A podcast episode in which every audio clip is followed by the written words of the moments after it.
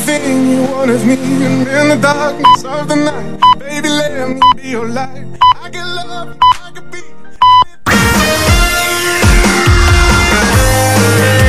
Ràdio Palafolls 107.7 FM Ràdio Palafolls T'ho diu algú de confiança. Aquí no hi ha caretes. T'ho diu algú que en saps. I no el teu cunyat. T'ho diu algú que et coneix. I que cada dia et diu... Bon dia! Bon dia. Bon dia. T'ho diu la ràdio. La ràdio. La ràdio.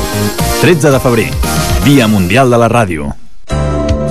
Connecta't amb l'Ajuntament de Palafolls. Busca'ns al Facebook, segueix-nos al Twitter i connecta't a palafolls.cat, el portal de l'Ajuntament a internet. Informació municipal, tràmits en línia, administració electrònica, ordenances, equipaments i serveis, l'agenda cultural i totes les regidories al teu abast. Estigues sempre al dia. Connecta amb l'Ajuntament de Palafolls. A Ràdio Palafolls, la informació és el primer. Dos detinguts i 3.500 plantes de marihuana comissades a Ciutat Jardí. Aquesta gent necessita de tot, la roba calenta, necessita menjar, que es pot uh, conservar... Bueno, els robatoris continuen, tot el que és uh, la Baixa Tordera... El Respir tanca una setmana per una desena de contagis detectats. Les obres de la canonada inicien la segona fase. A partir d'avui és quan les obres El de... motiu de la vaga és el calendari eh, escolar, doncs no és cert. Palafolls ja acull una vintena de refugiats ucraïnesos. Ahir... per començar aquest, eh, aquests canvis de direcció que també aniran acompanyats d'un grafiat provisional. Sempre ha recelat de la presència d'aquest grup d'exlegionaris que desfilen amb marxes militars uniformats i amb armes simulades. Cada dia l'actualitat de Palafolls i comarca al 107.7 i a radiopalafolls.cat. T'has perdut algun programa de Ràdio Palafolls? Connecta't a la carta.radiopalafolls.cat o busca Ràdio Palafolls en la teva aplicació de podcast habitual i podràs recuperar tots els programes de la ràdio. Segueix-nos on vulguis, com vulguis i quan vulguis. Ara més fàcil a a la carta.radiopalafolls.cat Música, entreteniment, entreteniment i informació. informació. Ràdio Palafolls, 24 hores amb tu.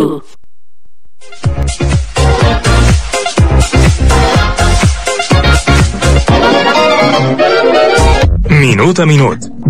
El programa d'esports de Ràdio Palafolls.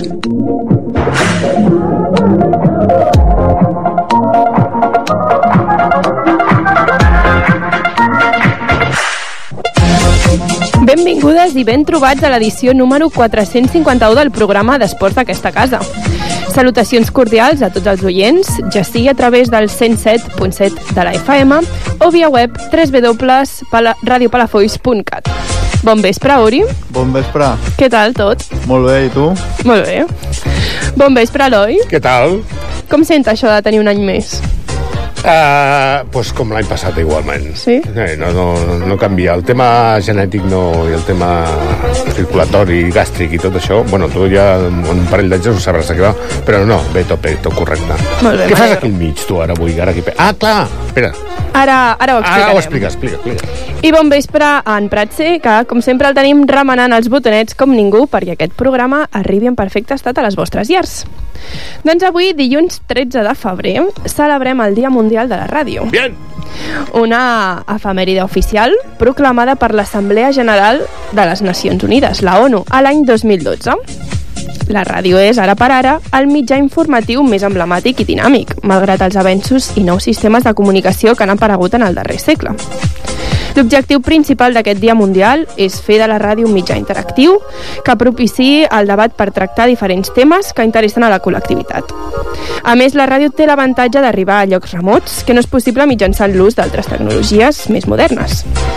La celebració del Dia Mundial de la Ràdio va ser proclamada per l'Assemblea General de les Nacions Unides en la seva 36a reunió, d'acord amb la resolució aprovada per la Conferència General de l'Organització de les Nacions Unides per a l'Educació, la Ciència i la Cultura al desembre de 2012. La data escollida per a la celebració internacional del Dia Mundial de, la Ràdio no és casual, perquè la UNESCO va decidir establir en el seu calendari el 13 de febrer com a Dia de la Ràdio per fer-lo coincidir amb el dia en què es va crear la Ràdio Nacions Unides, el 13 de febrer de 1946. Per això, un dia com avui, agafem un gran valor, agafen un gran valor les ràdios locals, municipals i privades. I tots els que ens dediquem a la fer ràdio, ja sigui de manera totalment amateur, com nosaltres, o a nivell professional. Ens agrada molt trobar gent pel carrer i que ens diguin «T'he escoltat a la ràdio, ho heu fet molt bé», o també «Avui no teníeu el dia, eh?», perquè totes les opinions són vàlides. I avui, Dia Internacional de la Ràdio, vull i volem saber coses dels històrics de la nostra ràdio. Començarem pel nostre estimat Jordi Pratsavalls. Bon vespre. Hola, nois, què tal, com esteu? Molt bé, i tu? Això d'històric, mm, no, no sé com prendre-m'ho, eh? Sí, home, sí, que ets un històric. Aquí en teniu un que, vaja, també té els seus anys, eh? La No, ràdio, però- no us ho penseu, eh? Ja parlarem amb ell. T'ha tocat a tu primer. A mi no a mi no m'atabalis ara. doncs bé, sí, sí, ja ho fa uns anys que estic per aquí, sí, jo i tant. Bé, Jordi, comencem amb una pregunta una mica personal. Què et va motivar a entrar en el món de la ràdio? Què em va motivar? Ostres, doncs eh, mira, jo portava molt de temps i porto molt de temps fent teatre. Llavors el teatre porta una miqueta cap a la ràdio, el fet de que només se t'escolti, que no sigui la imatge, també et deixa descansar una miqueta, i el tema dels mitjans de comunicació sempre m'ha apassionat. Aquí a Palafolls, de moment, i poso de moment, no tenim televisió, ja ho veurem, la ràdio és el que em queda, per tant, escolta, a mi quan em van dir, pots fer un programa? Encantat de la vida, vaig començar a Ràdio Palafolls fent un programa que es deia eh, Molt soroll per no res, si no m'equivoco, de voluntari, i a partir d'aquí doncs ja vaig començar a treballar a la ràdio. La tele engreixa, Jordi, no val la pena. Exacte, eh? I com va ser el teu primer dia, el primer programa? Recordes algun moment especial? Uf, mira, del primer dia no, no, no, no et sabria dir, perquè com et deia, vaja, els nervis, eh, habituals que tenim sempre quan, quan, quan se- se- s'encén la llumeta aquesta vermella i et diuen has d'entrar en directe i has de començar a, a parlar, tot i que ho portis molt preparat. Uh, els nervis habituals, que algú no t'agafi la trucada telefònica, com també us ha passat moltes vegades a vosaltres, quan l'has pactat 30.000 vegades i alguna vegada que doncs, has dit una cosa que no tocava pel micròfon o fins i tot que t'has deixat el micròfon obert. Això sol passar amb la trajectòria i crec que moltes d'aquestes opcions a vosaltres també us han passat. Per tant, què us haig d'explicar? I des d'aquest primer dia fins avui, com seria la teva trajectòria? Com la qualificaries? Com la qualificaria? Doncs de uh, molt engrescant, sobretot engra, engrescadora. O sigui, jo cada dia que, que, que vinc aquí a la ràdio, que obro el micròfon, a, a mi m'agrada que, que em diguin després per la ràdio ostres, has posat aquesta cançó, t'he escoltat dir això, t'he escoltat dir... O sigui, aquest retorn que a vegades ens pensem que no existeix, allò de, vaja, jo estic fent ràdio i ara mateix no ens està escoltant ningú, no? Doncs eh, aquest retorn és, és, és molt maco i sobretot amb no perdre les ganes. Avui que és el Dia Mundial de la Ràdio també hi ha molta gent que, que, que fa ràdio doncs, eh, sense cobrar ni un euro, perdona, perdona que ho digui, com vosaltres, i que aquestes ganes es traslladin una miqueta i que es contagin, doncs escolta, la, la cosa encara pinta millor, clar que sí. Llavors, per tu, això és un hobby, una passió, o és més una feina? Les dues coses, perquè al final, òbviament, és una feina, és remunerada, tothom ho sap, nosaltres estem al capdavant de la ràdio, però també hi, hi poses moltes més hores de les que estàs acostumat. Per Cobra tant, una pasta indecent el tio. Sí, no, no, no t'explicaré el meu sou. Algun dia ja no, te, no te l'explicaré. De totes maneres, el que sí m'agrada pensar és que eh, hi dediques més hores, però hi dediques més hores perquè, perquè t'agrada, no? I llavors, doncs escolta, qui treballa del que li agrada, això és impagable. Ja que has tret el tema de, de les hores, podries dir-nos quantes hores li dediques? Sumant els directes, gravacions, preparació de guions... Clar, és que depèn, de, de, depèn molt de, de, de l'època. Una setmaneta tranquil·la, doncs escolta, jo faig les meves hores de, de, de matí de tarda i, i ja està, però eh, tots sabem, per exemple, s'acosta un període electoral i això el que fa és que la gent de la ràdio es volqui encara més en, en fer més hores de ràdio, en explicar molt més el que passa. Són períodes que són complicats. En Festa Major, per exemple, seguim tots els actes, per tant, això duplica o triplica fins i tot les hores. Per tant, depèn de l'època, doncs es fan més hores o, o, o menys. I actualment en quins programes podem escoltar-te o estàs col·laborant? Doncs mira, jo al matí sóc el primer que encenc el micro aquí a la ràdio a les 9 del matí amb el de cap a peus, compartint bona música amb tots els oients que vulguin sintonitzar el 107.7, repartim també doncs, la previsió meteorològica, el que és l'agenda cultural i després un clàssic ja al Palafolls en xarxa parlant d'activitats culturals amb diferents col·laboradors, entre d'altres també, escolta, us fem una miqueta l'avançadeta amb tota l'agenda esportiva del cap de setmana els eh, divendres que ens visita l'amic Eloi Alarger. I d'aquests programes, amb quin et sent més ide- identificat? Doncs són gairebé com els meus fills. A vegades la gent et diu, mira, escolta, només estàs com allò presentant cançons i no passa res, no? Obres el micro, dius qualsevol cosa i, i, i no, no és tan difícil. El Palafolls en xarxa poder té més preparació perquè t'has de preparar entrevistes, has de parlar amb la gent, etc etc etc. però les dues coses eh, m'agraden. Al final així passo el matí. Quan arriba a la una del migdia i me n'haig d'anar cap a casa, doncs escolta, tot ha de quedar acabat i amb la mateixa estima i dedicació que sempre. Per tant, això és bo. I de tots aquells anys que portes a Ràdio Palafolls, podria dir-nos alguna anècdota?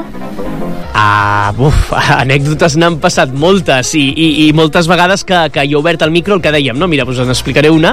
Uh, jo he obert el micro, he presentat una cançó amb tot el meu bon rotllo del món i resulta que el que he dit uh, per en el micro no és la realitat, és a dir, presentes... Uh, vaja, jo vaig dir que Ike i Tina Turner eren germanes, me'n recordo, ja fa molt de temps, eh, d'això, ja prescrit. Però, òbviament, no, era el germà i havien tingut... Ai, era el, el marit, perdó, i havien tingut problemes. Però jo, com que es deien Turner tots dos, doncs va, vaig llançar-me a la piscina. Va trucar algú i em va dir, no, no, no, escolta, que això no és així. Sempre de bon rotllo. I coses d'aquestes moltes. Va ser divertit. Va ser divertit, sí. I ja per acabar, quin consell donaries a les persones que volen entrar o estan començant a la ràdio? Que es llencin, sobretot que es deixin, que es deixin anar. Jo valoro molt més, i ho dic molt als meus entrevistats, eh? eh valoro molt més la naturalitat, sempre els hi venc l'entrevista, si estan nerviosos, com si estiguessin fent un cafè tots dos. Eh, encara que ens equivoquis, encara que vulguis rectificar, doncs escolta, tothom ens equivoquem i no passa absolutament res. Per tant, valoro molt més la naturalitat davant del micròfon, per molt que, que, que et puguis equivocar més, que no pas que tot estigui escrit, eh, predissenyat i pactat. Doncs dit queda i esperem que els que estan començant prenguin nota d'això. Oh, i tant. Ah, qualsevol dels tres, eh? Eloi, pren nota. També, Ja, se m'ha acabat la tinta del boli de prendre punts. Gràcies Molt- a vosaltres. moltes nois. gràcies, Jordi. Merci. I continuem amb un altre que també porta temps en això. Eloi Alarger. Bon vespre. Bona nit, Déu us guard, com anem? Molt bé. Tens raro, eh? Així amb, en plan... Hem canviat to- totalment els papers avui, eh? Sí. De totes maneres, hem de dir que la Laura va dir la setmana passada que vindríem al pijama perquè és una de les consignes de Carnestoltes i patapam. Home. Ha vingut amb un pijama espectacularment eh, eh, nugulós, no? Diguéssim, seria la paraula? Sí. Bueno. Bueno, puc fer l'entrevista Ara, o tinc no? que passar... Ah, sí, haig de fer l'entrevista jo també, eh? Sí. Foli, Et foli, faré foli. unes quantes preguntetes. Vinga, va, foli. A veure què ens què expliques. A veure. La primera, fàcil. Per què vas començar la ràdio? Ui. A veure, jo vaig, jo vaig fer ràdio de petit a, a Barcelona, a el que seria Ràdio Eivissa, que és la ràdio del meu barri, a barri d'Horta, i allà es va quedar el Coquet, i llavors quan vaig venir aquí a viure a Palafolls, eh, com que estava vinculat amb el tema de l'esport, li anava passant els resultats al Marc Ferri, el director de la ràdio, encara no ho és, i, i havia el, un, es deia Palafolls en joc 2000, no sé si corregeix-me Jordi, 2012, por ahí? 2011-2012?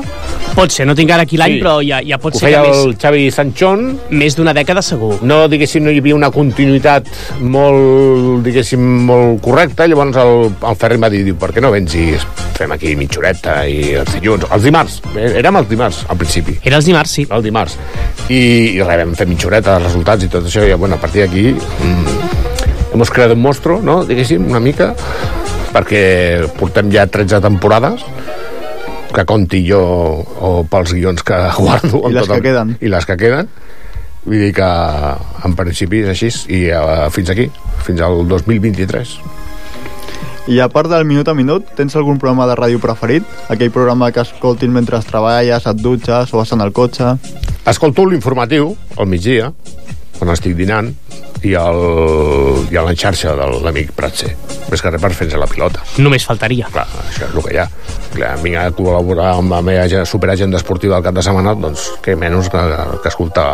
A més, hi ha coses superinteressants, perquè el, Jordi sempre ha tingut supercontactes amb el món de la cultura i deixa anar cada cosa que dius, ostres, doncs això ens ho hem de prendre nota i podríem fer-ho cap de setmana. Dir que, bé, el desafinado alguna vegada, però normalment, clar. Al posar-te el traje de pare eh, les coses comencen a canviar ostensiblement i tots els pares que m'estiguin escoltant segurament pensen el mateix que jo i clar, hi han prioritats però bueno, com que tenim la versió podcast i podem descarregar a www.radiopalafuig.cat podem allà veure coses i escoltar coses molt interessants, la veritat I com has dit abans, eh, 13 temporades del minut a minut. Ha passat molta gent per aquest estudi. Bufa. Però com ha canviat aquest programa amb els anys? Doncs aquest programa ha canviat per necessitats de, dels clubs i pels equips esportius. Perquè, clar, no tenim el que tenim ara a nivell esportiu que fa 7 o 8 anys. Vull dir, el patinatge ha crescut d'una manera molt espectacular, el futbol va tenir una temporada molt, molt bèstia a nivell esportiu, el bàsquet també va tenir una temporada molt bèstia a nivell esportiu, el futbol serà algo espectacular, i s'han anat afegint esports tipus Muay Thai, donar més altaveu al... O sigui, la consigna del minut a minut en joc o Palafolls en joc eh, és el mateix vull dir, és nosaltres som l'altaveu dels clubs i nosaltres als clubs els hi proposem que vinguin a explicar les seves coses què són les seves coses? Doncs les seves lligues, les seves resultats les seves competicions, les seves històries i, i que la gent s'enteri que hi ha moviment esportiu aquí a Palafolls i que és una passada i ho vam poder comprovar a la Festa de l'Esport al setembre passat vull dir, el, el d'allò, el teatre estava ple i hi havia molta gent que ni sabia que hi havia Thai, ni sabia que hi havia un futbolista mig professional que estava al Llagostera, ni sabia que hi havia un nedador Bernat de la Torre que era una passada nedant i moltes coses d'aquestes que suposo que aquest és el valor intrínsec de la festa de l'esport, donar a conèixer molta gent, Gemma Corbera i una infinitat de coses. I de cara al futur canviaries alguna cosa? Canviaria el presentador. Posaria en tu. O la Laura, ho està fent molt bé. Que m'està mirant amb una cara, Laura, tio. que m'has fotut amb un marrón el Dia Mundial de la Ràdio. Ja t'ho retirar molta gent, això també... Vols retirar-te ja? No, bueno, ja, ja tinc una edat, eh, per començar a pensar en segons què. O sigui, rotllo treure'm de davant dels micros i allò preparar els guionets i els resultats i aquestes coses. I tu ja saps de què va això, i ja vas... Ja has provat les mieles de la ràdio, això és, és, és complicat. Pues ara hauries de trucar en Rafa Rodríguez. Ara hauríem de trucar al Rafa Rodríguez a veure si pot tornar o... Sí. És que aquí ha passat una pila de gent, algú espectacular. O sigui, ben tan... Eh, ma... És que clar, si començo a dir noms em deixaré la meitat i se sentiran una mica allò decebuts, no? Però la, la veritat és que ha passat una pila de gent i sempre m'he sentit superarropat i cada vegada que els he proposat venir a col·laborar en el programa d'esports no m'han dit mai que no. No sé si perquè, o per pesat o perquè, perquè el guapo Mulleres és la meva, diguéssim, la, la meva targeta de presentació, però clar, això de veure guapo i Mulleres, vale, però això dalt també, clar, la setmana passada està comprovant sí. metro 87 contra metro 82. Sí. Correcte. Vull dir que no sé. I en aquests 451 capítols, sí? quina ha estat l'entrevista que més il·lusió t'ha fet? L'entrevista... Ui, l'entrevista que més il·lusió m'ha fet Vam tenir una... En el programa 300, que vam fer en el casal d'avis, eh, Pratxe? Que va ser superxulo. Teníem la... Vam tenir la col·laboració... O sigui, hem, hem entrevistat el Dani Sanabra, que va de, de jovenet, eh, que està a la COPE, que té el seu canal de Twitch i totes aquestes històries, i, i vam fer una entrevista. Vam fer entrevistes a molta gent, eh, vam per poder parlar amb el, amb el productor del Tiempo de Juego, vam parlar amb el Poli Rincón, vam parlar eh, també amb esportistes, la Gemma Corbera, amb una pila d'esportistes a nivell individual i a nivell col·lectiu, nostre de Palafolls, vull dir que la veritat és que no, no, no per ser un programa local i que potser l'abast la, la, d'audiència és curtet, déu nhi el que, hem, el que hem fet aquí, eh? Vull dir que Manolo Lamans va tirar un, una felicitació pels 300 programes vull dir, va estar, va estar, va estar bastant bé. Prepareu-vos el que ve els 500 eh? ojo. Ojo ja, Ahí ja mateix. Ja veus i d'aquesta trajectòria que tens a, a Ràdio Palafolls ens pots explicar alguna anècdota? me'n recordo d'una que vam poder entrevistar la Laia Ferrer a través de la Erika Galvez, que és una bona amiga meva i una bona amiga del programa, que em vaig... O sigui, li volia preguntar una cosa i em vaig fer un liu tan bèstia que al final va quedar molt malament la pregunta. Llavors la, la, la ella va quedar així, bueno, què m'estan preguntant, no? O sigui, va quedar fatal. I és l'única anècdota que me'n recordo així complicada. Però un resto- crac, no em diran que no. Ah, exacte, un crac no em dirà que no. Llavors això, aquests sons que el Prat se va tirant per sota m'encanten. Vull dir que és una passada. Ara imaginem-nos un cas hipotètic. Sí. On et donen l'oportunitat de començar un projecte nou des de zero. Un projecte en el qual et permeten fer un programa propi. Com t'imagines? O sobre què t'agradaria que fos aquest programa? De com m'agradaria...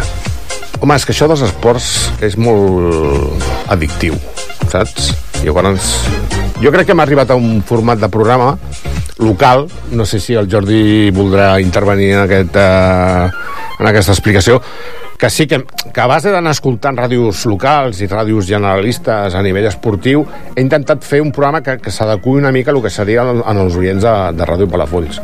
I crec que el programa funciona, crec, jo, Jordi, no sé... Jo crec que amb, amb el minut a minut abans deies, no?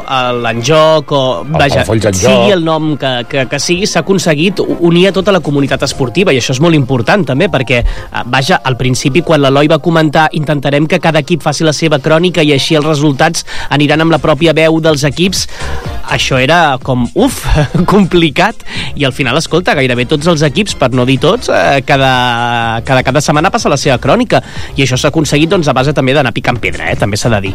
Però escolta, mm, eh, s'ha millorat moltíssim. Jo, és el que dèiem, és, és nosaltres som el, un altaveu dels clubs i la gent, la gent de Palafolls s'entera dels, del que fan els clubs doncs a través del minut a minut. Vull dir que jo crec que eh, ens escolta més gent de lo que ens creiem nosaltres que ens escolta.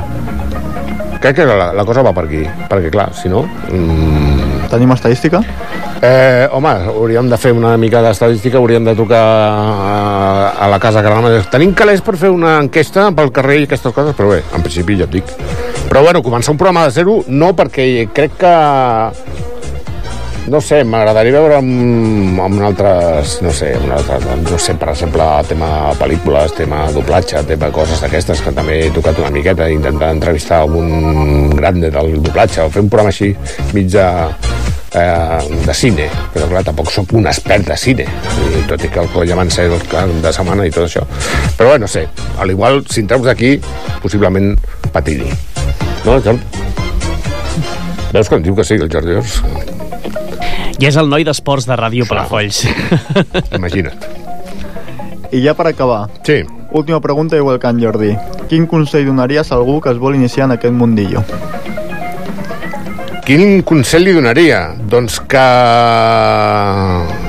que primer li perdi la por a l'esponja de color verd que tenim aquí davant, que aquí estem parlant tres persones, quatre, i podíem tenir quatre Coca-Coles i quatre patates, que no seria l'ideal, però bé, eh, que li perdin la por i que sobretot eh, creguin amb el que estan fent amb el projecte que estiguin fent, amb el programa que estiguin fent, que no... És que hi ha molta gent, és que clar, jo vull fer ràdio, clar, i llavors resulta que s'hi posen davant de l'esponja aquesta verda de Ràdio Palafolls i, ui, això no és el que jo m'havia pensat. O sigui que tinc la seguretat perfecta. O sigui, jo quan veig vaig a posar un cas un concret, és la Laura, val? O sigui, jo li vaig fer fer una crònica d'un Sí, partit. l'any passat, d'un torneig. D'un torneig, l'any passat. I tal com ho va dir, i tal com ho va des- desenvolupar, dic, escolta, Laura, diu, tu no t'agradaria... O sigui, és un, una mica rotllo cazatalentos, no? Una mica el tema. Aquí la tenim sentada. L'any que ve no sé què passarà, perquè, clar, tothom estudia i les coses, això, van com van. Però jo de moment estic supercontent. Perquè, perquè t'agrada. Sí, sí. T'agrada, mm, s'escolta bé, dicciones bé, mm, perquè hi ha moltes que parlen així, no s'entén de res, però com a mínim el que parla s'entén i tot això. Igual que l'Uri. En un moment donat a l'Uri li vaig també proposar i no em va dir que no.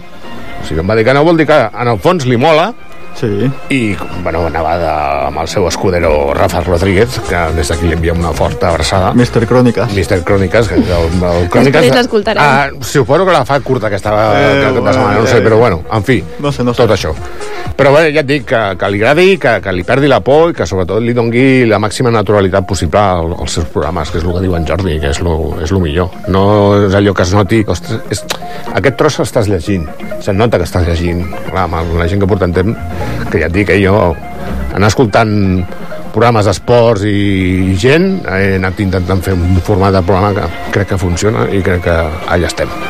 I sobretot, agrair-vos públicament a vosaltres dos aguantar-me aquí cada dilluns i no sé què. Heu fet això, heu fet allò, no sé què, que sóc una mica pesat. I cada vegada que em foto més gran, que encara sóc pitjor. Vull dir que moltes gràcies, nois. Moltes gràcies a tu. Molt bé.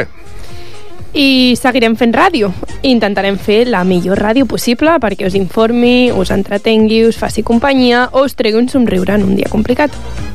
Per això, i aprofitant aquests micros, moltes felicitats a totes i tots els companys i companyes que cada dia s'asseuen davant d'aquest micro per explicar-vos coses, per fer-vos riure o per fer-vos companyia. I avui més que mai, moltes felicitats ràdio i que per molts més anys podem dir allò que sempre mola de dir, visca la ràdio i si és local, encara més. Dit això, seguirem amb el nostre programa habitual. I voleu saber què ha passat un 13 de febrer, però d'altres anys, dins l'esport femení? Sí! No patiu, que tot seguit us oferim la secció... Tal dia com avui.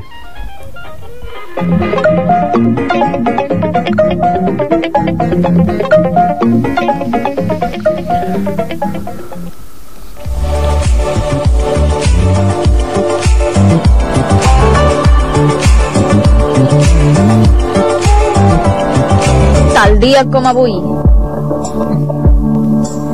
Avui, 13 de febrer, què podem trobar-nos dins l'esport femení, Uri? Doncs un 13 de febrer, però del 2021, a futbol femení, el Barça derrota el Logroño per 3 a 0 a la final de la Copa de la Reina del 2019-2020, que es disputa a Màlaga. Alexia, Aitana i Jenny Hermoso marquen els gols de l'equip blaugrana, que tanca així la temporada 2019-2020 havent guanyat la Lliga, la Copa, la Copa Catalunya i la Supercopa d'Espanya. Amb aquesta victòria, el Barça suma el setè títol de Copa de la seva història i és el dominador absolut de la competició, desfent l'empat a sis títols que mantenia amb l'Espanyol i el Llevant. Parlem ara del, del 2011 i en concret de hockey femení. El Voltregà guanya l'Arenys de Munt per 4-3 a la final de la Copa Femenina que es juga a Gijón amb un gol d'or de penal de Tasha. És el seu quart títol de l'equip usonenc a les sis edicions disputades de la competició. El 2018, surf de neu. Caral Castellet acaba setena en la final de mig tub dels Jocs Olímpics d'hivern de Pyeongchang i aconsegueix el segon diploma olímpic d'un esportista del Principat en la seva història dels Jocs d'hivern. A més, és, millor és la seva millor classificació mai aconseguida per una esportista catalana en uns Jocs d'hivern i el seu millor resultat després del quart lloc de Jordi Font en el cross dels Jocs de Turí del 2006. I ara parlem de golf. En l'any 2005, Paula, Paula Martí es desena en l'equip d'Espanya a la primera edició de la Copa del Món Femenina que guanya el Japó. i acabarem amb l'any 1971, esquí alpí. Conxita Puig és sisena al deslàlom de la Copa del Món que es disputa a MT, San Ain, Canadà, i que guanya Marilyn Cochran, dels Estats Units. I ja sé que esteu esperant amb candeletes aquesta secció picadeta on us fem un bon resum de les notícies de l'esport palafollenc. Aquesta secció, Uri, és... Curta I al peu. Cada dilluns de 8 a 9 del vespre, Minut a Minut, el programa esportiu de Ràdio Palafolls.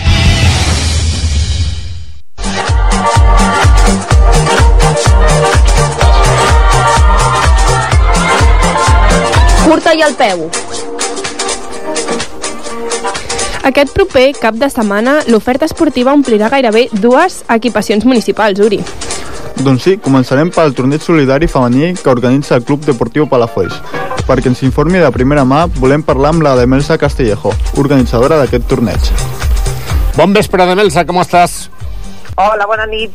Com estàs? Molt bé, molt bé, esperant que me truquessis. Sí, no, ja, aquí eh, lo passem el Dia Mundial de la Ràdio, ens hem entretingut una mica, m'han fet una entrevista que no m'havien fet mai, aquestes Sí, coses. sí.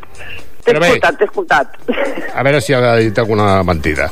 Escolta, una cosa, què ha tingut aquesta brillant idea d'aquest torneig? Pues la directiva, directament, la directiva. Hem pensat que seria una bona opció per veure el futbol femení i, a part, poder fer una recollida d'aliments i de productes solidaris per la gent que ho necessita, que ho està passant malament. En principi serà la primera edició, eh, entenc que l'any que ve s'intentarà fer la segona. Segur, segur. Segur que guardarem aquesta dada per poder fer-lo cada any. Perquè més va molt bé, perquè aquest cap de setmana, com que no hi ha jornades de lligues domèstiques, doncs la gent Correcte, ha pogut... descansem tots, Ah, perquè és carnaval, carnestoltes, Ah, llavors aprofitem la dada. El... La, o sigui, la finalitat d'aquest torneig és la recollida d'aliments i de productes d'higiene femenina Correcte. si no tinc entès malament per intentar donar-los pues, a la gent de Palafolls que ho estigui passant una mica malament i una mica fotudets i llavors, clar, tot això qui ho gestionarà? El, vosaltres, l'Ajuntament o com anirà això? Ho farem conjuntament, nosaltres farem la recollida al camp de futbol i després ho entregarem als serveis socials de l'Ajuntament, que serà el que eh, repartirà a aquestes famílies que ho necessiten. Perfecte. Això serà aquest dissabte 18, a partir de quina hora?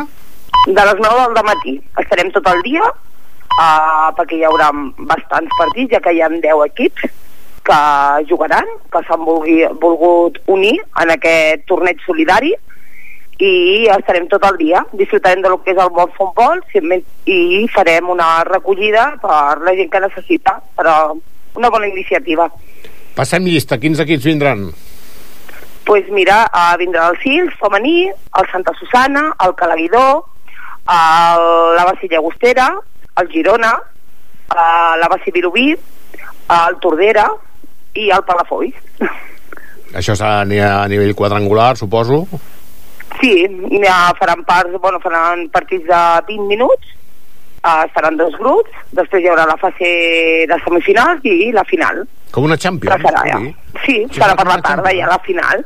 Déu-n'hi-do. Sí, estarem tot el dia. A part de l'Ajuntament i vosaltres, qui col·labora més amb aquest eh, supertorneig? El cafè de Palafolls.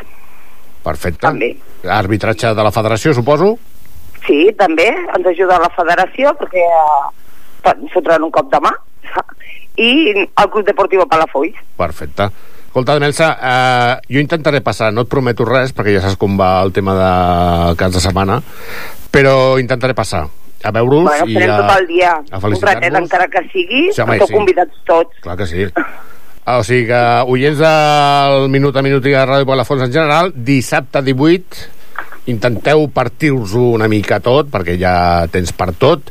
Aneu a veure un futbol femení, que déu nhi com la toquen, les nenes del Club Deportiu Palafolls, vull dir, que tu no les has a veure, però jo sí, i jo sé que les toquen molt bé. I si porteu cosetes a nivell personal i eh, perquè podeu ajudar aquestes famílies que ho estan passant una mica malament, molt millor. Damelsa, moltes felicitats per aquesta idea Moltes gràcies. i a veure si l'any que ve hi ha una segona edició. Segur, segur, compta amb allò. Venint, venint de tu, segur. Vale, Una Moltes abraçada. gràcies. Que vagi molt bé. Vinga, adéu, bona nit. Segueixen amb bon ritme les inscripcions pel trail del Senyor del Castell, Yuri? Doncs sí, com, si, com segueixin així, aviat penjaran el cartell de Sold Out. Podeu inscriure-us a la web www.rockdesport.com i allà busqueu Trail del Senyor del Castell, inscripció. Recordeu que serà el proper diumenge 5 de març a partir de les 9 del matí i que el període d'inscripcions acabarà el proper 1 de març. En breu, crec que no, si la setmana que ve no l'altra, ja es tindrem a tota la junta directiva del Safir Team, que ens explicarà tot, com està, com les, les inscripcions i tot això, i acabarem de fer una mica la l'ampliació d'aquesta informació. I tindrem el segon esdeveniment en aquest cap de setmana, aquest cop per part del Club Patí Palafolls. Aquest atapeït i carnavalesc cap de setmana també tindrem patinatge del bo i de la mà de la seva presidenta, l'Anna Massot, que ens ampliarà aquest cinquè trofeu Castell de Palafolls. Bon vespre, Preci, i moltes gràcies per estar aquí. Moltes gràcies. Bueno, felicitats perquè avui és el dia de la ràdio. Felicitats a No, vosaltres. el dia de la ràdio no, el dia mundial de la ràdio. Perdó, És perdó, el que m'he deixat mundial. el mundial. Ara pensaves que anava a fer l'entrevista a l'Uri. No, no, no, a mi qualsevol, a mi m'esteu bé tots. És que a mi, eh, o sigui, portem aquí un, un jaleo de, de, de cadires que ni t'ho explico. Vaya tela, A mi m'han desplaçat, perquè clar, jo tinc una data i aquestes coses, i suposo que la gent puja forta i em volen treure la cadira, que a mi, sincerament, no m'importa. Però una coseta, anem pel que ens toca, perquè Déu-n'hi-do, Anem, quin, anem, anem per feina, quin cap de setmana més a tope, eh, de coses esportives de Palafolls. Ens encanta això que no... Vamos, ni t'ho explico. Com van els preparatius d'aquest eh, super trofeu Castell de... Cinquè ja, eh? Cinquè, cinquè. Cinquè. Sí, sí, sí. Tu fa cinc Pues anys anaves amb pantalons curts, Uri. Preparatius a tope. I com va tot això? Doncs pues mira, serem 110 patinadors Apa, i ve gent de Corbera, ve gent de Taradell, ve gent de Vidreres, de Mataró, del, de l'APA del Maresme, que és Calella Pineda, vull dir que, escolta'm, i de Malgrat també, déu nhi Això serà dissabte 18 a partir de quina hora? a partir de les 9 del matí. No, al matí, com que ara coincidint també amb estar parlant amb el futbol, que també fa el seu torneig, Sí, sí, ja ho he sentit, ja ho he sentit. i com que no hi ha jornada de bàsquet ni de futbol sala, que són els que emprenyen molt quan volen ocupar el Palauet, eh, que sí, Preci? Això, com que tu i jo ho sabem, no passa res. Ah, avui No ens ho podem res. permetre dir aquesta frase, Uri. No passa res, no un mig malament, que, és, que ho faig amb tot el carinyo del món mundial. Què t'anava a dir? Uh, ja hem fet una mica de repassada als clubs que participaran.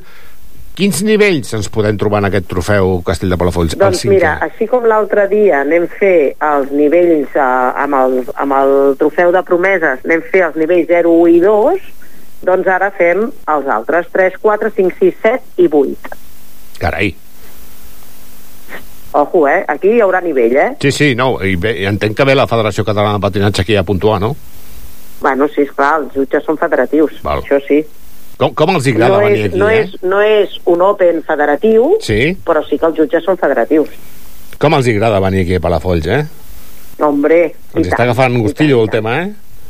i tant, i tant. Home, Ai, senyor. a veure, eh, és un bon poble. No, Carai. va, clar, tu diràs.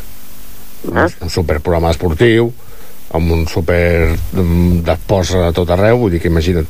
Uh, a part de l'Ajuntament, vosaltres, qui col·labora més? El Consell Esportiu? He llegit el Consell Esportiu del Maresme, també? No, el Consell Esportiu farem, eh, eh, farem altres coses, però Val. això no és, no és del Consell. Val. Aquest trofeu no és del Consell, aquest trofeu és nostre. Sí. Aquest trofeu és un trofeu que hem muntat al Club Patí Palafolls per preparar-nos per, per quan anem als Opens. Val. Llavors aquí el Consell Esportiu ve aquí a prendre punts. Exacte, Una a, mica. a mirar i a, i a, i a, i a mirar com es fan I les a prendre coses. i mira, que bé com fa el Ai, com ara me senti algú, veuràs tu. Ui, ui, ja ui. posarà la llista negra. Escolta, una pregunta superimportant per mi. Uh, servei de bar amb aquelles pastes i amb aquells tallats que feu tan bons? Sí, Bien. sí, sí, sí, muntem servei de bar. sí, M'encanta això. Doncs, Sí, Preci, muntem molta... servei de bar perquè el patinatge comences a les 8, a les 9 i no acabes al migdia. I s'ha de tenir contenta la gent, tu. Home, tu diràs. Intentarem partir-nos al matí el futbol Home. i a la tarda patinatge, eh, Uri? Sí. No em mirem aquesta cara, perquè segurament tu que faràs el tren i aniràs a veure la teva estimada senyora. En fi. Eh, És el que ha de fer. Home, tu de diràs, clar. Escolta, Preci, molta sort per aquest trofeu Moltes gràcies. i ja intentarem passar a saludar i aquestes coses i a, a fer un talladet i un... Fan unes pastes, Laura? Home, si passeu, si passeu, ja vull dir que Ui, ui, ui. a l'Anna Moreno, que és la que està en el bar, Ah, això mateix, que, que us convidi un cafè. per almenys. Bueno, un cafè una cervesa, és que eh? sí, sí, és Aquí, que- ojo, el que vulgueu. Que clar, m'han vingut avui, la Laura m'ha vingut amb el pijama, home, això de les consignes de carnaval, de carnestoltes, Home, perdó, clar. que és, és, és l'única que ha vingut, i diu, ole tu, Sí, perquè vosaltres... no, ara, ara, ara, digue, digue, digue, digue, digue, ara, digue. Sí, sí, nosaltres de carnaval hm, anem disfressats tot el dia. Sou Eh que sí? sou fossos. Fossos som. Bé, sí, això, doncs molta sort, que vagi molt bé i ja anirem Moltes parlant. gràcies, gràcies a vosaltres. Vinga, una abraçada ben Adéu, forta. bon vespre. Adéu. I acabarem amb molt bones notícies de la nostra rider Gemma Corbera. La setmana anterior ja li han pogut treure els punts del seu Smile particular i ja entrena a tota velocitat pels propers esdeveniments que tindrà a final de mes a Àustria. I ara anem a veure els resultats dels nostres equips locals. Comencem pel futsal.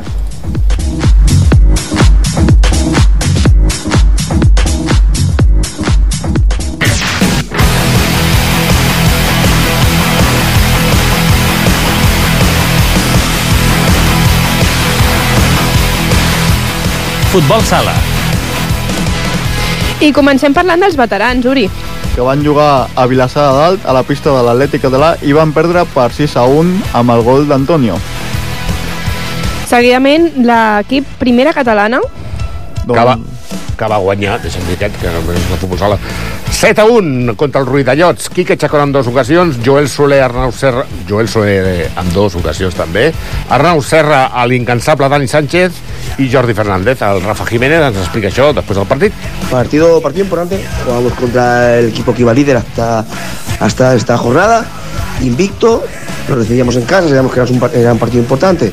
Y bueno, al final, eh, la primera parte, los primeros cuatro minutos, un poco de titubeo entre los dos, un poco de tanteo para ver cómo estábamos los dos. Y nos costó entrar en el partido.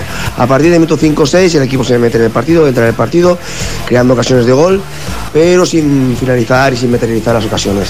Decidimos arriesgar jugando con el portero jugador ya en la primera parte, pero no conseguimos, no conseguimos marcar. En una jugada aislada metimos el, el 1-0, el 1-0 y el Ridellos nos viene a apretar arriba. Eh, y faltando 20 segundos para, para, para acabar la primera parte metimos el, el 2 a 1, el 2 a, a 0, perdón, que nos dio ir al descanso. Segunda parte muy diferente, salimos mucho más enchufados, mucho más metidos en el partido y con un alto índice de, materializaciones y finalizaciones. Y las dos primeras que tuvimos, los dos primeros minutos, conseguimos ponernos ya con un 4-0. El rival arriesga, jugando con portero jugador, y nosotros a la contra y en varios robos, pues bueno, eh, le metemos ese definitivo 7-1. Eh, muy contento, muy contento por, por el equipo, por el trabajo que está haciendo. Tres puntos importantísimos de cara al objetivo principal del primer equipo. Eh, felicitar al equipo, felicitar a la afición que vino a vernos y estamos, estamos en el camino. I seguim parlant del juvenil de primera divisió, Uri. que va empatar la pista del Guíxols a 3, amb els gols de Dani Carnicero per partida doble i Pau Miró. I també va jugar al juvenil B de primera divisió. Vall d'Obrega 2, eh, Sant Lluís. Sant Lluís. Un. Lluís. Sempre dic Sant Lluís, sempre el catalanitzo, no sé per què. Uh, L'únic... L'autor de la gol va ser en Jan García. El cadet de divisió d'honor, Uri, que rebia la visita del Mataró i va perdre per 2 a 3 amb els gols d'Adrián Moreno i Jan Chart. i seguim amb el cadet de primera divisió. Blanes Esport 2, eh, Sant Lluís 3, eh, els golejadors Aleix Pérez amb 2 i després l'altre en propi porteria i com és el dia mundial de la ràdio i fent-li un petit homenatge al nostre amic Rafa Rodríguez que ens explica això un cop acabat el partit. Primer partido de los tres eh, que tenemos marcados como, como objetivo para poder eh, alcanzar los puestos eh, de arriba de la clasificación. En Blanes nos resultó un partido bastante complicado. Ya sabíamos que, que lo teníamos que trabajar bastante. Equipo que conocíamos por, porque habíamos, nos habíamos enfrentado a ellos en pretemporada y sabemos que era un equipo muy correoso, bastante difícil de jugar y que iba a proponer poco en ataque. Eh, la primera parte, pues bueno, en- con el toma y daca habitual, intentando romper su, defensa. Sabíamos que nos iban a causar problemas a- sobre atrás eh, y sobre todo en sus contras, que es la parte más fuerte que tiene este equipo. Y nos pusimos, eh, nos fuimos al descanso con, con un 0-1 justo por cierto y, y a ver eh, para trabajar la segunda la segunda parte con el objetivo de, intentar llevarnos el, partido o sea, intentar cerrarlo lo más pronto posible. Segunda parte eh, nos empataron eh, nos empataron por un error no, no forzado por, por nuestra parte y de seguida nos pusimos nos pusimos 2-1 evidentemente ellos pues bueno lanzaron todas todas sus armas hacia hacia adelante, nos estuvieron atosigando bastante, pasamos unos momentos de apuro y, en un error de, un rechace eh, le quedó un balón muerto a su, a su pivot y nos, nos empató el partido. Nos quedaban tres minutos y no nos quedó otra que irnos a, por el partido, no nos podíamos eh, permitir el lujo de irnos con un punto cuando veníamos a por los tres, Eh, nos pusimos a jugar de cinco y, en la última jugada de- del partido, prácticamente quedando 20 segundos, tuvimos la fortuna de, de poder eh, y meter el, el- el 2-3 definitivo. Eh, gran trabajo de los chicos, eh, partido sufrido, competido y al fin y al cabo los tres puntos que era lo que lo que contaba que con lo que la intención que teníamos para llevarnos el partido de, Blanes. Un saludo y felicidades por este día de los del día de la radio. Vale chicos, muchas felicidades. I l'infantil de divisió d'honor també va jugar aquí a Palafolls. I va guanyar davant del Ràpid Santa Coloma per 4-3, amb els gols d'Aaron Padilla 2, Denis Martínez i Mario Escalera. I també l'infantil de primera divisió, Sant Lluís 8, Sant Julià de Ramis 1, eh, Jan Solà 3 gols, Biel Pavia 2 gols, Iker Ruiz, Ismael Ortiz i Adam Roman. i l'infantil femení que va jugar a Cardedeu, I va perdre per 4 a 1 amb el gol d'Ariadna Bernés. l'Alaví Divisió d'Honor també va jugar fora de casa, Manlleu 2, Sant Lluís 4, eh, Iñaki Bonilla 2 ocasions, Quim Montoya i Fernando Navarro van ser els golejadors. a continuació parlem de l'Alaví de primera divisió, Golejada a la pista del Girona per 1 a 10 amb els gols de Jan Puertas que va fer un hat-trick, Pol Dalmau i Mario Morales que van fer dos cadascun i els altres dos gols van ser d'Alizan Gallardo i d'Alec Armazón. i també va jugar l'Alaví de segona divisió. A Sant Lluís 7, Malgrat B 1, Ayun Roncero 3, Romeo Farentina 2 i Anni Diarte i Nela Garcia. I el Benjamí mm, del club eh, Sant Lluís de Palafolls, Uri, que va empatant el derbi davant del Malgrat a dos gols. Van marcar en Lluís Vives i el Mario Arjona.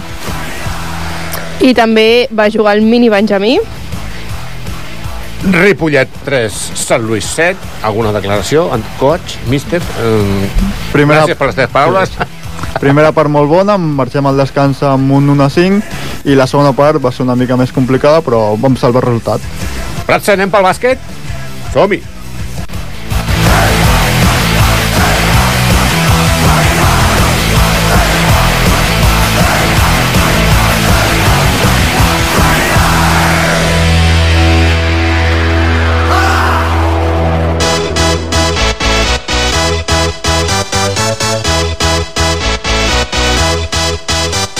Bàsquet. Comencem parlant del sènior A masculí, Uri. que va jugar a la pista del Club Bàsquet Vila Blareix amb un resultat de 65 a 38, derrota del Palafolls. Els màxims anotadors del Palafolls van ser l'Eudal Vallecrosa amb 8 punts i l'Alexa Cristan amb 7. I escoltem el seu coach, el Manel Torroella.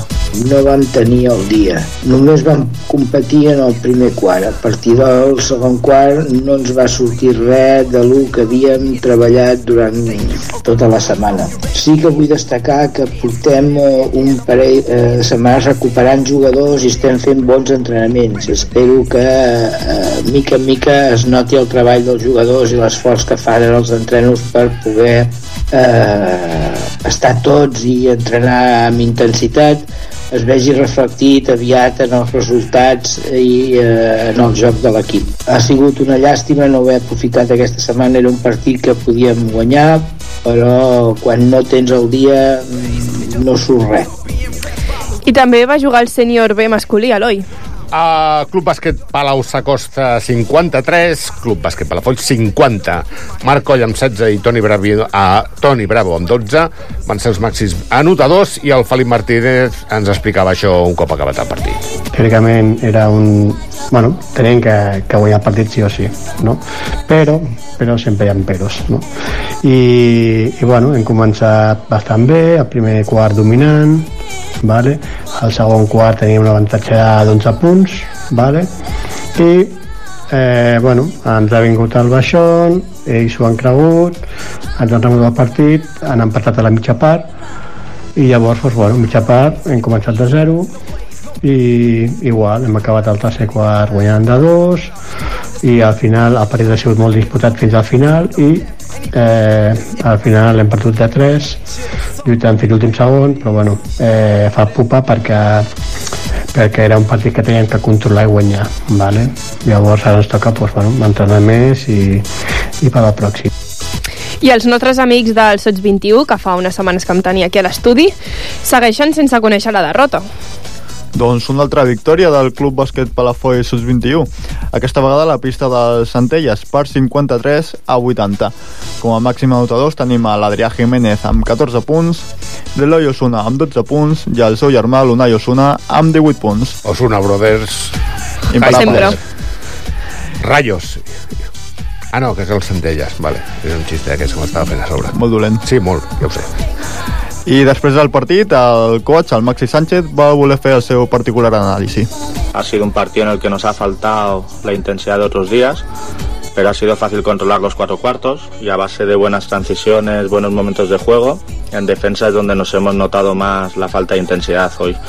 Pero como he comentado, hoy hemos sabido controlar siempre el marcador, hemos podido repartir minutos entre todo el equipo y al final hemos disfrutado de otra victoria merecida 53-80 contra un Centellas que, que no ha dejado de intentarlo. Ahora ya con la cabeza puesta en el siguiente partido, aplazado contra un BIM, que es en su campo y seguro que no nos será fácil. I el cadet mixta eh, va jugar fora de casa. Contra el bàsquet club va haver-hi doble enfrontament amb el bàsquet. Primer va ser el cadet mixta contra el bàsquet club Bassanet per 59 a 23 van perdre i l'Aitor Morillas ens explica això un cop acabat el partit. Ha sido un partido en el que nos ha faltado partit bastant complicat, amb sensacions negatives de lo que és l'evolució dels jugadors de cara a aquesta segona volta. No sé si dir que és el pitjor partit que han fet eh, entre sensacions per tema del rival que es tratava. Era un rival bastant assequible per nosaltres.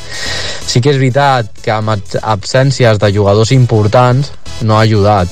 Ens faltaven tres canvis revulsius que teníem a la banqueta i hem jugat amb jugadors de primer any que estan començant a aprendre i és complicat, ja que és un equip que els hi costa ja ofensivament treure tres jugadors de, que, que són els que revolucionen per donar descans i jugar amb jugadors de primer any costa molt bueno, mica en mica continuarem. El resultat ha sigut de 59 per al Massanet, 25 per al Palafolls i anirem animant-nos de cara a l'any que ve, a veure com ens va. I l'infantil masculí, que també va jugar contra el Massanet. I també va perdre, per 62 a 50. Y l'Òscar Plazas ens explica com va veure el partit. Eh, era un rival directo para poder luchar para quedar cuartos. Hemos empezado fatal, fatal. Para mí personalmente ha sido el peor partido de la temporada. Eh, no estábamos concentrados en ningún momento se han ido del marcador fácilmente, con, con distancia de 14-18 puntos. En la segunda parte hemos reaccionado un poquito, nos hemos ido ajustando y bueno, al final hemos perdido de 12, eh, 62-50 ha ganado el Massanet. Eh, hemos salvado la Verage, en casa ganemos de 20 y bueno, eh, seguimos entre comillas vivos, que tenemos todavía opciones de poder quedar terceros. I per acabar parlem del premi masculí. Bàsquet anglès 57, Club Bàsquet Palafolls 15, el Joel Bascón, el seu coach, ens explica això.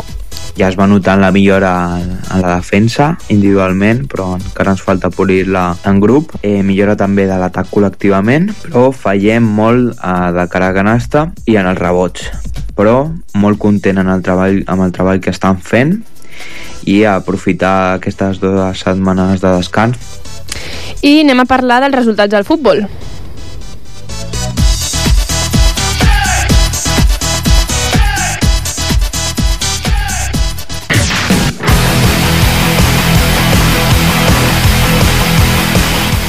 Futbol. Començarem amb el cadet femení, Eloi. Comencem pel cadet femení, Club Deportiu Palafolls 0, Blanes 0. El míster, el Javi Romero, ens explica això un cop acabat el partit, també. Un partido un tanto aburrido para el espectador, donde las defensas pudieron con los delanteras. Los primeros 35 minutos estuvieron marcados por el error del árbitro que creía que solo teníamos dos cambios, cuando en la primera parte íbamos a realizar el cambio. Dijo que solo disponía de dos cambios, lo cual nos trastocó todos los planes que teníamos y el planteamiento que queríamos del partido. En los siguientes 35 minutos conseguimos crear varias situaciones de gol, pero como siempre la falta de gol nos limita mucho. Ellas tenían dos jugadoras por banda que eran muy rápidas y nos costaba mucho cerrar los laterales. Tuvimos que variar un poco el esquema y realizar un par de cambios para frenar un poco las acometidas por banda. Eso hizo que ellas tuvieran que jugar un poco más por el interior. Resultado que acabó como empezó, 0-0. Un resultado justo, ya que ningún equipo hizo mérito para ganar el partido. Hay que seguir trabajando para intentar mejorar las finalizaciones y seguir con resultados positivos. I l'Alaví de A de segona divisió, Uri? que jugava al Pal Stadium i va perdre per 2 a 5 contra el Sallera. El gol se'l van fer en Richard Maldonado i en Dani Morello. I escoltem el míster de l'equip, en Marcos Maldonado. Jugado contra la Sellera en nuestro campo el primer partido de la segunda vuelta. Allí se ganó 3-6, haciendo un buen fútbol, pero la vuelta ha sido muy diferente. Llevo toda la semana avisando en los entrenos de que el rival llevaba una buena racha y por falta de concentración y de un par de bajas importantes se nos puso el marcador en contra 0-4 al término del primer cuarto. Hablé con los niños con una pequeña regañina incluida y se reaccionó, pero con una mochila de cuatro goles en contra se nos hizo imposible conseguir remontar.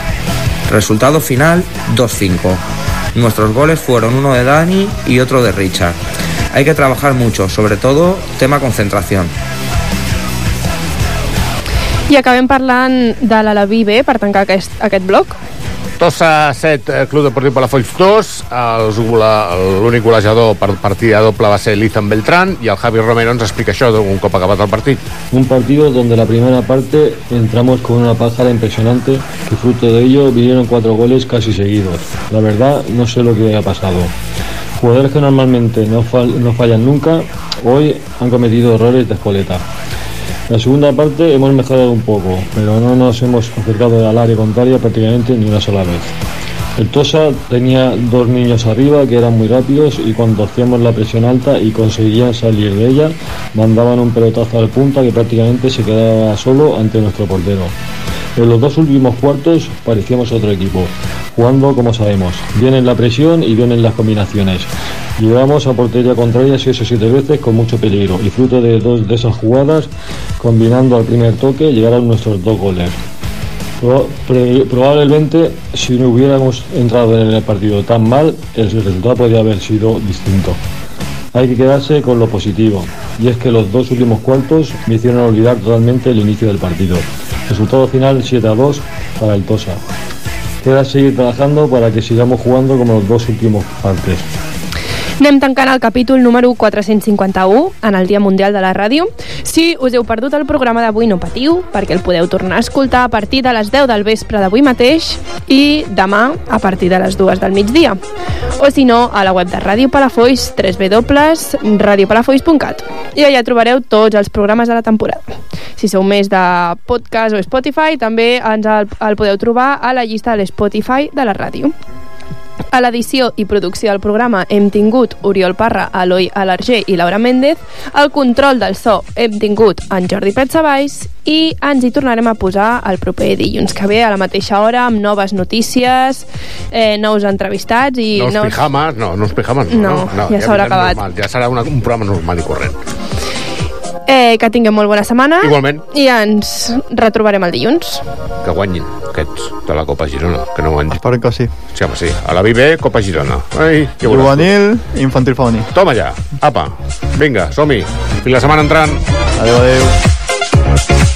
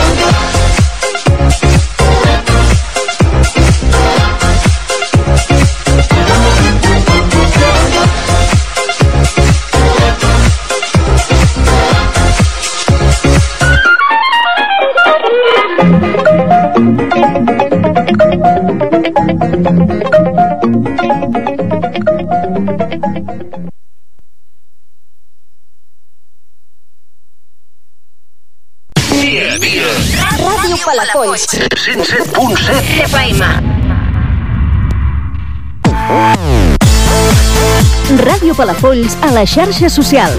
facebook.com barra Ràdio Palafolls i Ràdio Palafolls a Twitter i a Instagram.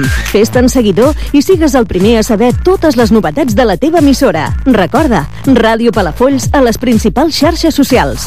La informació més propera a un sol clic. T'ho diu algú de confiança.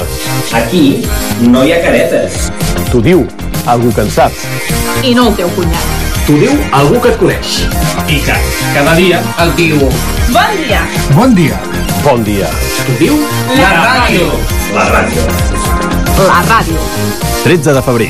Cocodril Club. De la Si t'agrada la bona música dels anys 60, 70 i 80, escolta Ràdio Palafolls els dissabtes i diumenges al migdia, de 12 a 1.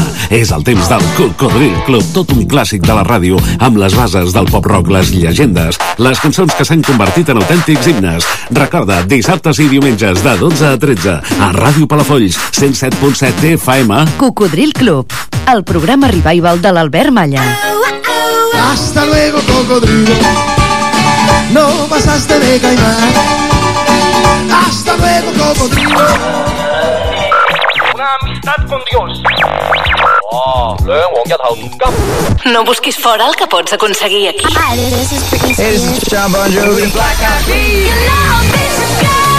Música, entreteniment i informació local. Ràdio Palafolls. 24 hores a tu.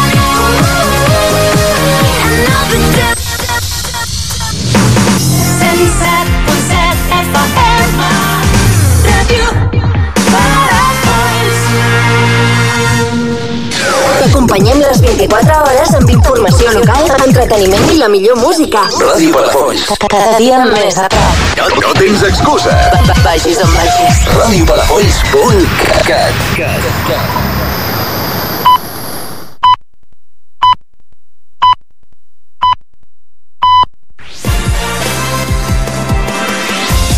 Ràdio Palafolls, serveis informatius.